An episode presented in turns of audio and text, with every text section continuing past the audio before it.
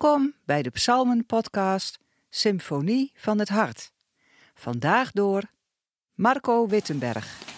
We lezen vandaag Psalm 59. Voor de koorleider, op de wijs van Verdelg niet.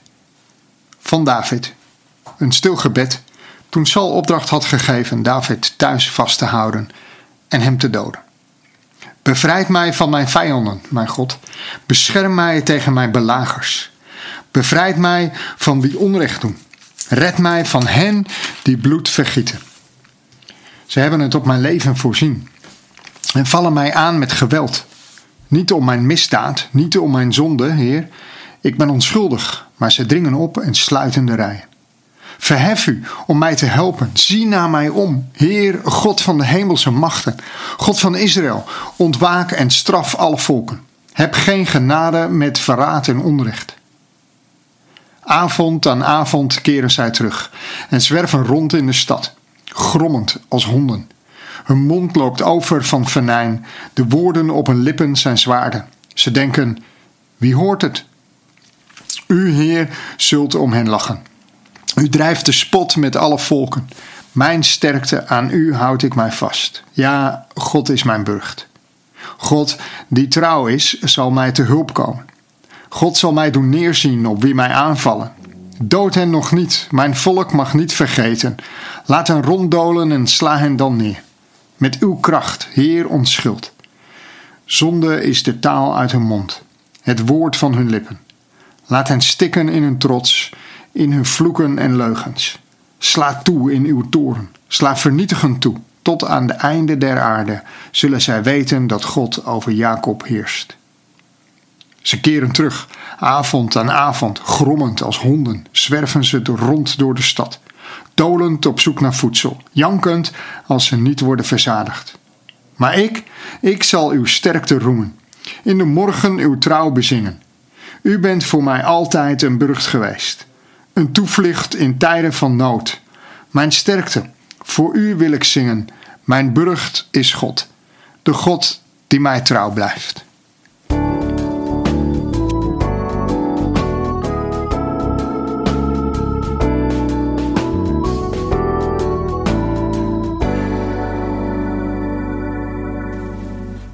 Een van de meest beladen toespraken die ik eens moest houden was voor een groep van collega's uit het Midden-Oosten. Ik had de verhalen gehoord over vervolging, over oorlog en verdrukking, over bommen die insloegen in de flatgebouwen waar zij woonden of in de kerken waar zij samenkwamen. En hier was ik, uit het vrije Westen, gezond, gelukkig, welvarend, niets aan de hand. Wat moest ik zeggen? Waarmee kon ik hen bemoedigen? Het opschrift van Psalm 59 plaatst deze psalm in een concrete situatie in Davids leven. Hij wordt vervolgd. Hij wordt thuis vastgehouden door Saul met als doel hem uiteindelijk te doden. En dan schrijft David deze psalm. Hoe tekenend zijn dan die woorden die er extra bij staan? Op de wijs van verdelg niet. Dat is het diepe gebed van David. Dat God hem zal redden en zal hem niet zal vermoorden, zal verdelgen. Maar ook een stil gebed.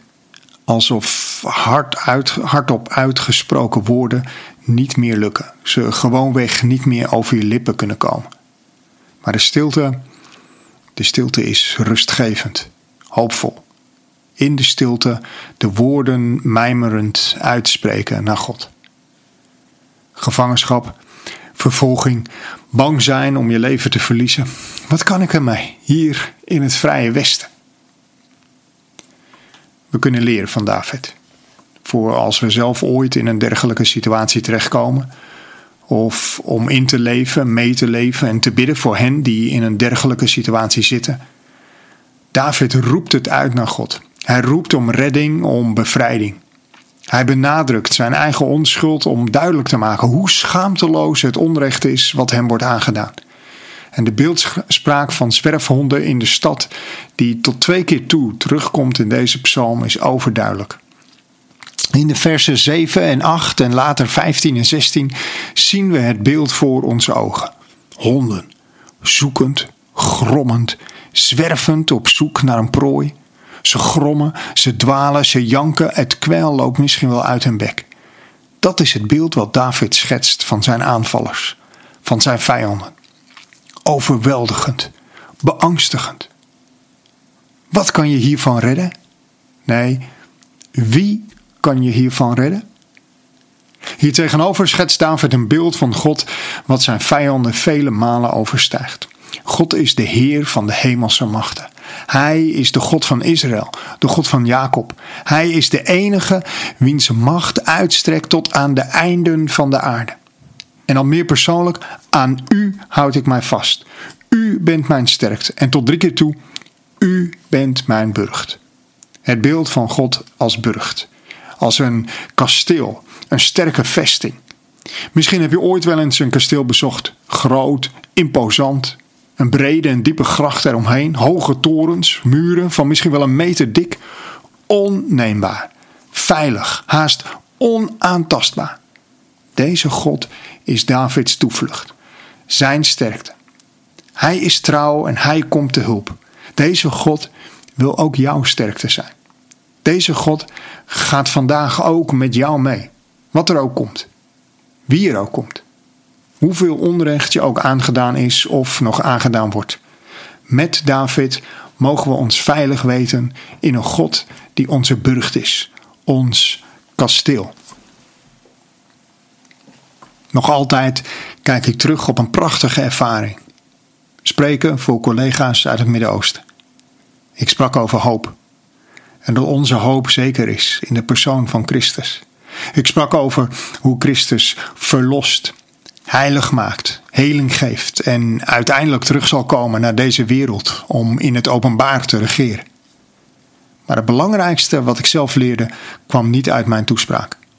Het was een wijze les van mijn collega's.